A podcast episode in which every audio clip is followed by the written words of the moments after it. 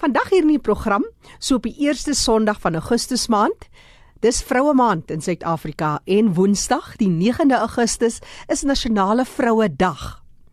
Dis vroue wat vandag vir ons vertel wat hulle doen in die lewe van gestremdes, hoe hulle help en ondersteun en ook 'n paar gestremde vrouens wat vertel van hulle koor en die koor wat vir ons sing. Triest Opleidingsentrum is besig. Hulle het aktiwiteite vir intellektuele gestremde volwassenes. Die sentrum is geleë in Klerksdorp in Noordwes provinsie en die sentrum is nie minder nie as 20 jaar. Maar die begin van hierdie jaar was daar 'n interessante wending. Die sentrum het begin met hulle koor. Ek het 3 van die koorlede vandag hier in die ateljee en saam met hulle is die departementsleier vir kultuur by die sentrum. Dis Nelmarie Grobler. Nelmarie, wat 'n wonderlike inisiatief. Gee ons net so 'n bietjie agtergrond oor die sentrum. Weet jy, Jackie, die sentrum is so wonderlik. Weet jy, ons het toe nou begin met die koor die 24ste Januarie die jaar en dit was baie harde werk geweest want weet hulle het nou hulle ander goedjies wat hulle intussen tyd maar moet doen ensovoorts maar baie pligsgetrou en ons ek wil vir jou sê ons sing nie baie maklike liedjies nie maar alles is absoluut 100% natuurlik opgeneem. Die musiek word natuurlik gedoen. So daar is nie soos hulle sê 'n agtergrond musiek wat speel nie. En Ons sing ook in drie tale. Ons probeer vier tale te gaan. So ons doen Tswana, ons doen Khoza, liedjies en dan sing ons dan Afrikaans en Engels. Wat ek dink is baie goed vir hierdie meisies. Nou julle het juist van die musiek saamgebring en as julle nou kan kies, ek het vir Mosa Radebe, eh, Janine Bronkhorst en Daphne van Rooyen wat saamkuier. Kom ek vra vir jou Daphne, watter liedjie sou jy sê moet ons vir die mense speel? Watter liedjie is jou gunsteling? Tannie, enige liedjie is my gunste ene, maar ek dink as Tannie daarvan hoor, sou Tannie daarvan hou ook. En jy het nou 3 liedjies saamgebring, watter een gaan ons luister? Die eerste een is so sweef soos 'n arend. Kom ons luister bietjie na hierdie koor van die Triest Opleidingsentrum in Klerksdorp. Hulle sing vir ons Sweef soos 'n arend.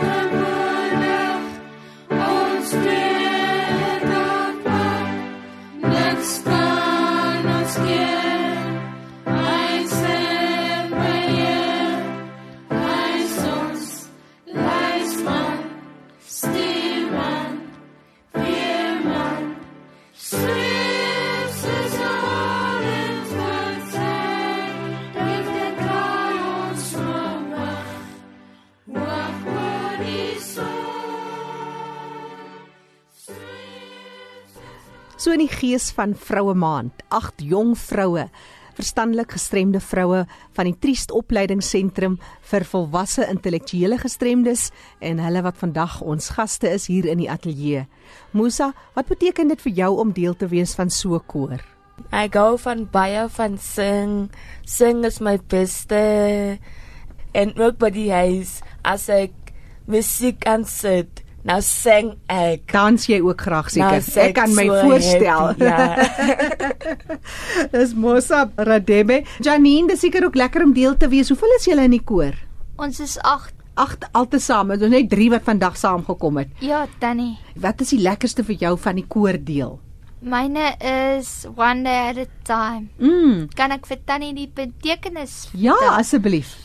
As dit gaan oor 'n vrou wat alleen op 'n bankie sit, dan kom Jesus deur 'n gangetjie en hy sit langs haar op die bankie en so sy praat, sy sy praat van one day at a time, maar sy sing hom.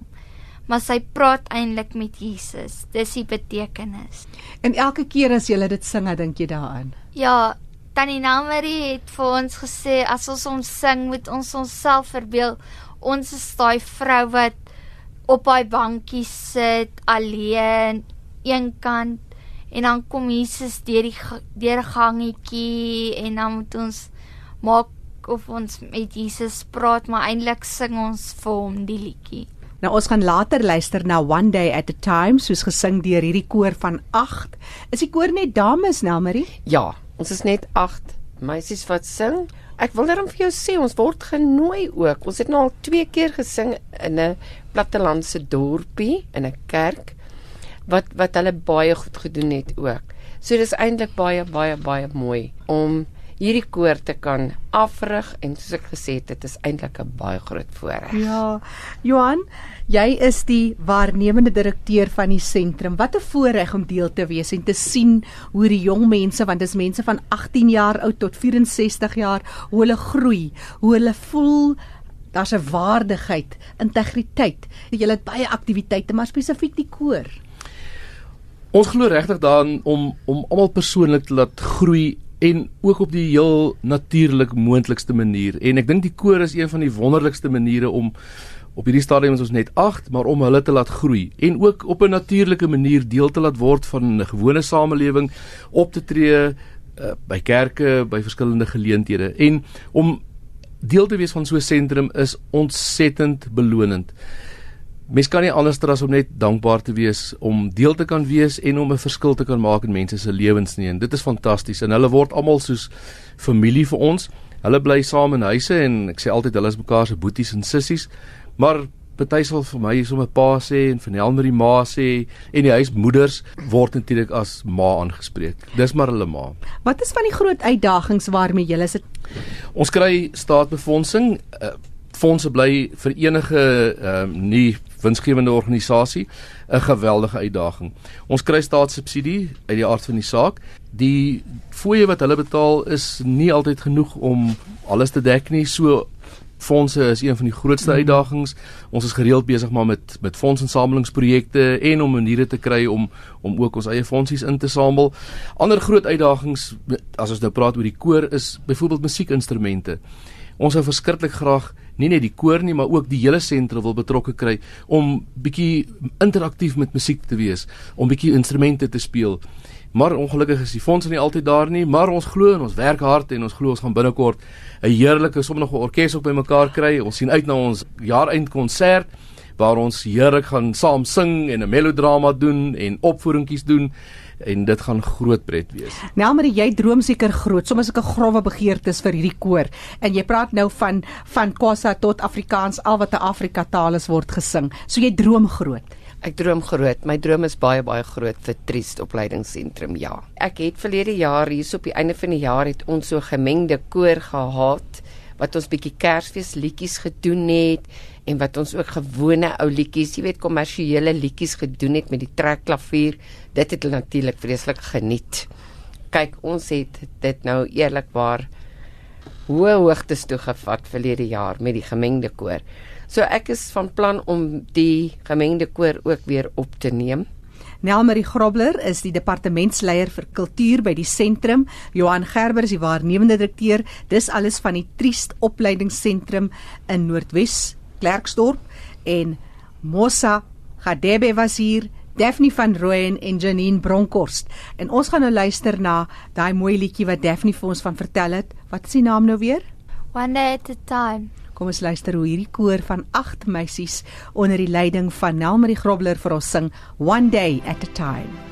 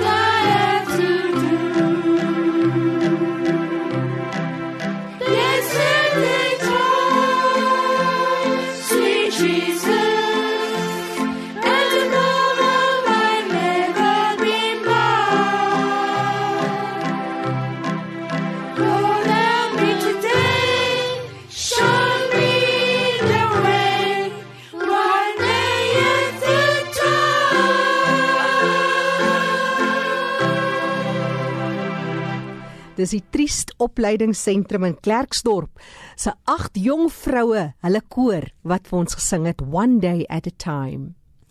As jy enige inligting soek, jy kan hulle kontak by die volgende telefoonnommer 018 468 6741.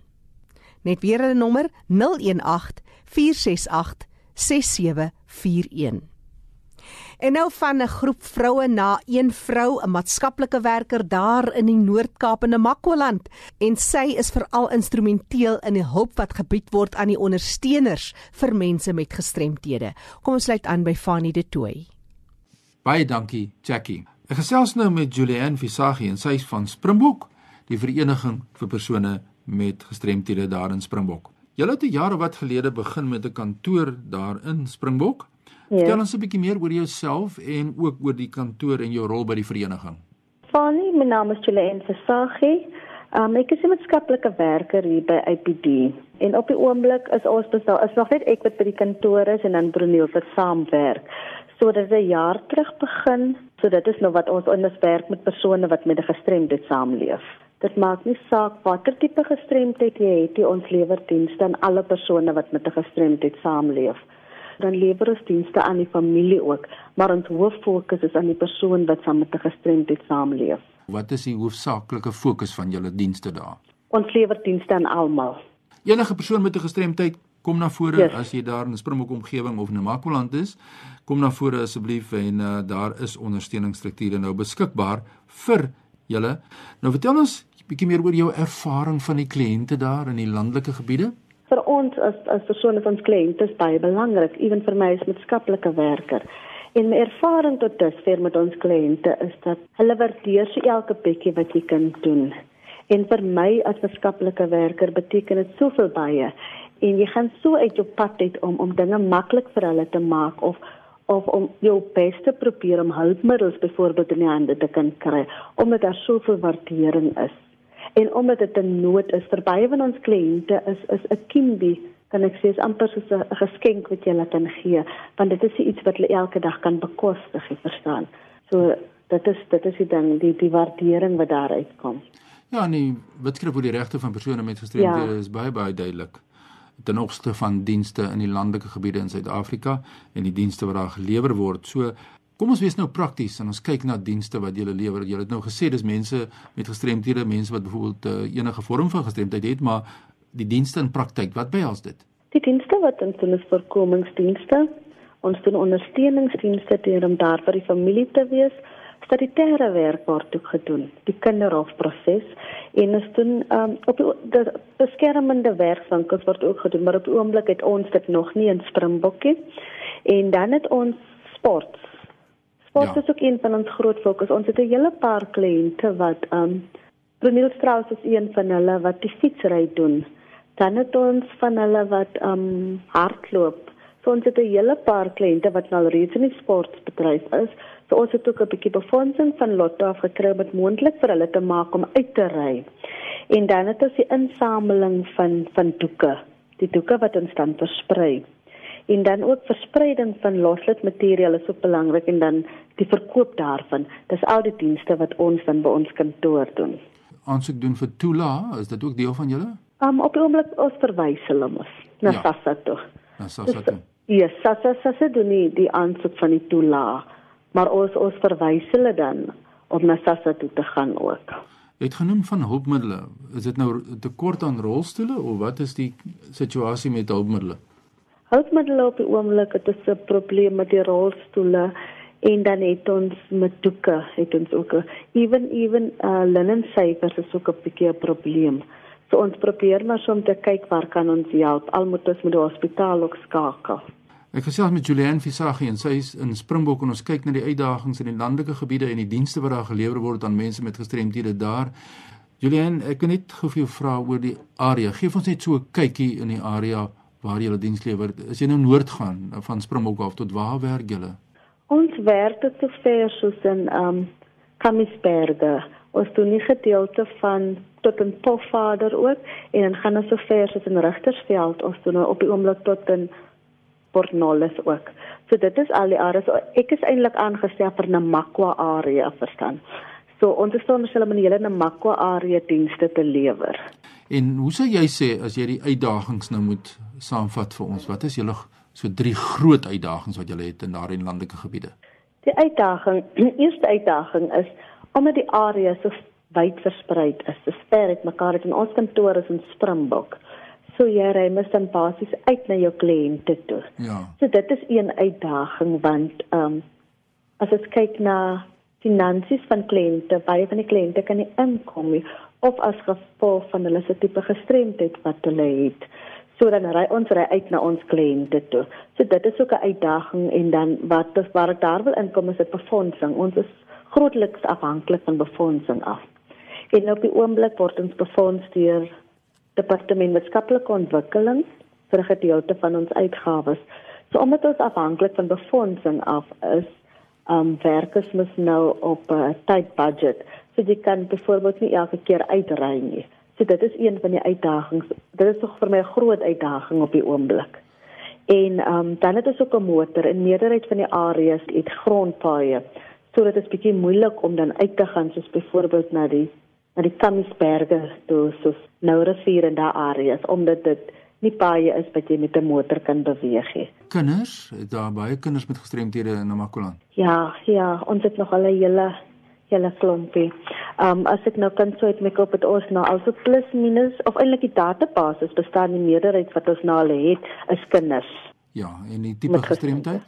Die tipe gestremdheid is spierdistrofie wat hulle het cerebraal gestremd. Cerebraal is eintlik die grootste. Nou, wat ons het hier in Namakwa area. Nou wat maak jy verwys julle die kinders na skole toe? Ons sit op die oomblik eintlik met 'n dilemma dat baie van die kinders se ouers is so um, beskermend oor hulle. Ja. So baie gaan nie uit na die skole toe nie. So die ouers sien maar om na hulle by die huis. En die naaste skool by ons is in is in Kimberley. So ja, dit, dit is eintlik baie ver van ons af.